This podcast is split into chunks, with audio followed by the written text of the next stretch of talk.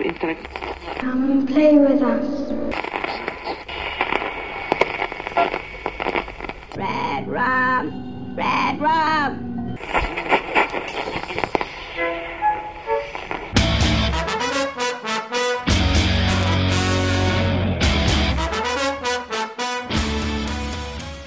Witam Was serdecznie w 36. odcinku podcastu Radio SK.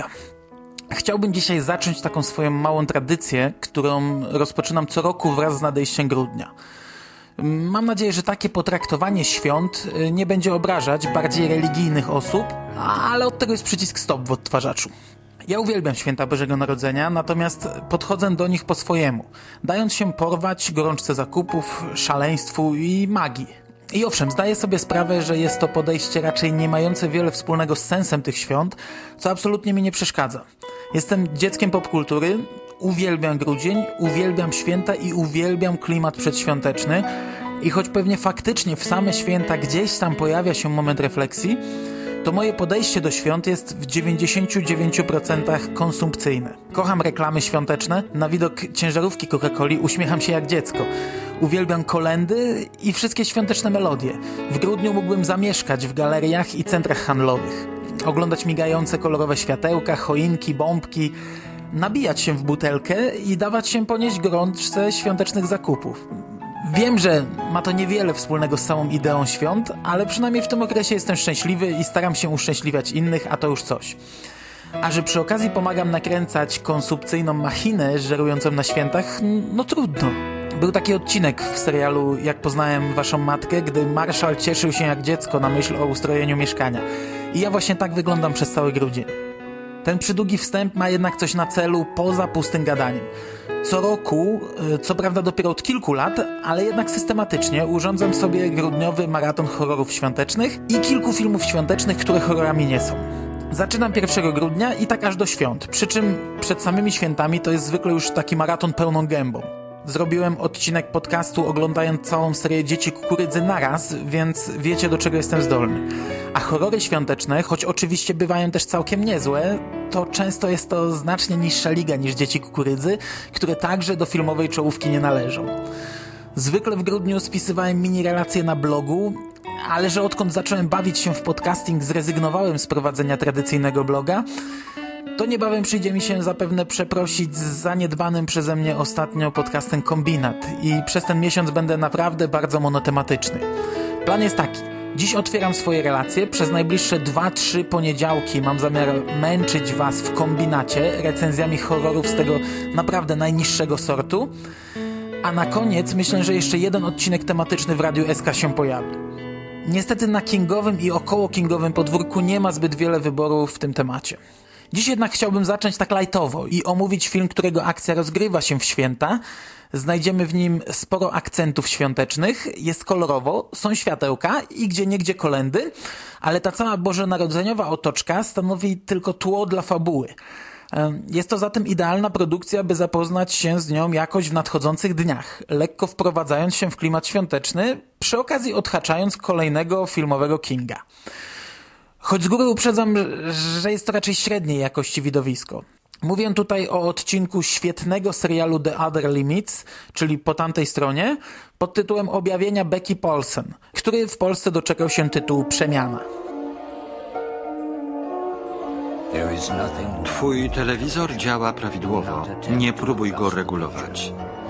Teraz my sterujemy transmisją. Kontrolujemy obraz w poziomie i w pionie. Możemy Cię zarzucić tysiącem kanałów albo doprowadzić jeden obraz do kryształowej przejrzystości. Doświadczysz wszystkiego, co potrafi stworzyć nasza wyobraźnia. Przez najbliższą godzinę my będziemy decydować o tym, co zobaczysz i usłyszysz.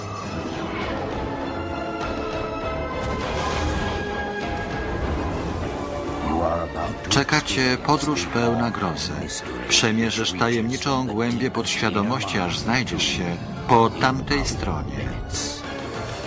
Na wstępie może kilka słów o samym serialu. Jeśli ktoś tego nie oglądał, to czołówkę może kojarzyć z innego podcastu poruszającego się w tematyce horroru, czyli Tchnienie Grozy. I osobiście zazdroszczę autorowi, że jako pierwszy wpadł na pomysł wykorzystania tego intro, no bo dla mnie jest to jedna z najlepszych czołówek serialowych w historii. Ciekawostką jest natomiast fakt, że w czołówce wykorzystano pracę Jerego Ulsmana, E, wybaczcie, nie wiem jak to dokładnie przeczytać. Natomiast w opisie nowego, ekskluzywnego wydania powieści Miasteczko Salem czytamy. Tekst nabiera wyjątkowej siły dzięki niesamowitym zdjęciom Jerego Ulsmana, dopełniającym obrazu prowincjonalnego miasteczka w stanie Maine, którego mieszkańcy ulegają diabelskiej mocy nowego rezydenta. Książka miała światową premierę w 2004 roku, czyli dwa lata po zakończeniu serialu. No i bystre oko dojrzy, że Dom Marstenów, który w Polsce nie trafił na okładkę, ale przykładowo brytyjskie wydanie zdobi właśnie ta fotografia. Jest to dokładnie ten sam dom, bardzo charakterystyczny zresztą, który w czołówce serialu zapuszcza swe korzenie. W poście z odcinkiem dam kilka grafik, byście sobie mogli porównać. Sam serial pierwotnie ukazywał się w latach 60. i zakończył się wtedy po dwóch sezonach. W latach 90. doczekaliśmy się nowej wersji po tamtej stronie, która przetrwała aż 7 sezonów do roku 2002. Telewizja polska, o ile mnie pamięć nie myli, dość szybko zaczęła emitować ten serial, ale robiła to o kompletnie nieludzkich porach. Pamiętam, że w soboty siedziałem do drugiej, trzeciej w nocy, czasem nastawiałem sobie specjalnie budzik, by obejrzeć dwa odcinki, które leciały z rzędu. Uwielbiałem ten serial i bardzo lubię go dziś, choć mocno trąci latami dziewięćdziesiątymi, kiedy to telewizja była inna. Dla mnie jednak to zawsze była produkcja, w której wykonanie schodziło na drugi plan, a najważniejsza była warstwa fabularna. Był to serial o niebezpieczeństwie związanym z przekraczaniem granic, dążeniem do doskonałości, ocenie, jaką trzeba zapłacić za zabawę w Boga, o skrytych negatywnych stronach ludzkiej natury, o człowieczeństwie, o odkrywaniu innych światów, cywilizacji i, i, konfrontacji z przybyszami. Jednak y, nie są to konfrontacje zbrojne, a zderzenie kultur i natury człowieka z obcym. Serial często wykonany był sztucznie i nieprzekonująco, ale i tak chodziło tam o to, by doprowadzić widza do ostatecznej sceny, po której głos spinający klamrą każdy odcinek ponownie podsumowywał jednym zdaniem historię, informując nas, że są sprawy, które powinno się zostawić w spokoju. Ja obecnie bardzo powoli, raz na jakiś czas odświeżam sobie kolejne odcinki i choć mam smutne wrażenie, że część uroku The Other Limits e, nie przetrwało próby czasu, to jednak jest to nadal jeden z ulubionych seriali mojego okresu młodzieńczego. Odcinek Przemiana oparty jest na podstawie opowiadania objawienia Becky Paulson, mm, którego polski czytelnik niestety nie mógł czytać w oryginalnej formie, gdyż tekst ten nie trafił do żadnego z autorskich zbiorów Stephena Kinga przeznaczonych do masowej sprzedaży. Opowiadanie pierwotnie ukazało się w czasopiśmie Rolling Stone w 1984 roku, potem w limitowanym wydaniu szkieletowej załogi w roku 1986 zaś w roku 1991 opowiadanie to ukazało się w książce I Shudder at Your Touch. Ciekawe jest jednak to, że King wplótł ten tekst w jedną ze swoich powieści, Stukostrachy. Jednak nie zrobił tego tak, jak to najczęściej czyni, w postaci opowieści w opowieści, tylko bohaterów opowiadania uczynił też jednymi z głównych bohaterów powieści, a krótka historia Rebeki Paulsen y, stała się integralną częścią Stukostrachów. Historia znalazła się w drugiej części zatytułowanej opowieści z Haven, w której każdy rozdział traktuje o innej postaci z miasteczka. Rozdział zatytułowany Becca Paulson w nowym wydaniu z Pruszyńskiego znajduje się na 204 stronie. I tak naprawdę nawet jak ktoś nie czytał książki, to bez problemu może się zapoznać tylko z tym rozdziałem, o ile chciałby znać choć zarys pierwowzoru literackiego przed obejrzeniem filmowej wersji. Trzeba też przyznać, że akurat do tej książki opowiadanie pasuje jak ulał, gdyż Stukostrachy to właśnie historia grupki ludzi, którzy pod wpływem działającej na nich siły słyszą głosy, które namawiają ich do konstruowania urządzeń, często stanowiących przeróżne śmiercionośne machiny.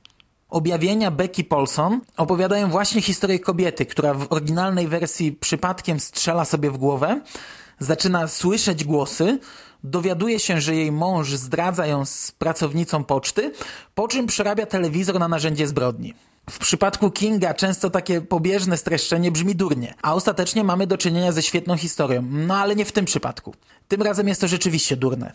I zaraz spróbuję to tak wypunktować, by brzmiało w miarę jasno i przejrzyście. W oryginalnym opowiadaniu Beka słyszy głosy mężczyzny z obrazka. W rozdziale dopasowanym do stukostrachów Beka słyszy głosy Jezusa z kiczowatego, trójwymiarowego obrazka, z tym, że tutaj pominięto wątek postrzelenia w głowę, a za wszelkie wizje odpowiadają kosmici. W ekranizacji Stukostrachów, w której też znalazła się ta historia, do Beki przemawia prezenter telewizyjny prowadzący jakiś tandetny talk show. Natomiast w omawianym tu epizodzie serialu po tamtej stronie twórcy wykorzystali oryginalny motyw mężczyzny, którego przykładowe zdjęcie znajduje się w sprzedawanej za grosze w markecie ramce. W tej roli zobaczymy Stevena Webera, znanego jako Brian z komediowego serialu Skrzydła lub wielu ról w telewizyjnych ekranizacjach Kinga autorstwa Mika Garrisa. Steven Weber jest też reżyserem odcinka Przemiana. No i niestety, choć uwielbiam Kinga i bardzo lubię zarówno serial po tamtej stronie, jak i reżyserującego odcinek Webera, to połączenie tych trzech składników wyszło wyjątkowo słabo. Samo opowiadanie jest słabe jak na Kinga, a sam odcinek słaby jak na serial. Zresztą pierwowzór literacki za cholerę nie pasuje do tego serialu. Kingowy odcinek zwyczajnie rozczarowuje i nawet morał przytaczany w ostatniej scenie wydaje się głupi i przyklejony na siłę. Czy zatem warto zapoznać się z tym epizodem? Warto, ale warto to zrobić w tym okresie, bo to zawsze jakaś namiastka klimatu świątecznego zmiksowana z Kingiem. Sam odcinek jednak niczym szczególnym się nie wyróżnia, a że serial działał na zasadzie jeden epizod to jedna oddzielna historia, to zwyczajnie jest tu zbyt wiele dużo ciekawszych opowieści, by przemiana mogła się czymś na ich tle wyróżnić. Plus jest taki, że nie trzeba oglądać prawie trzech pełnych sezonów, by brać się za ten odcinek, który tu omawiam. Nie ma to żadnego związku z resztą serialu i nawet jeśli ktoś dotąd nie słyszał o tej produkcji, to jeszcze dziś może zaopatrzyć się w kingową ekranizację, zrobić sobie duży kubeł kawy, podwędzić z kuchni kilka pierników, o ile już się u was robią, i poświęcić te 45 minut życia. Ja tymczasem mam nadzieję, że już za parę dni zaprezentuję Wam kilka filmów znacznie bardziej przesiąkniętych klimatem świątecznym. Jednak jako wprowadzenie do grudniowego maratonu Becca Paulson sprawdza się bardzo dobrze. Tymczasem chwilowo żegnam się z Wami, trzymajcie się ciepło, wznieśmy modły o to, by zima wreszcie w tym roku znów zaskoczyła kierowców. Do usłyszenia za tydzień.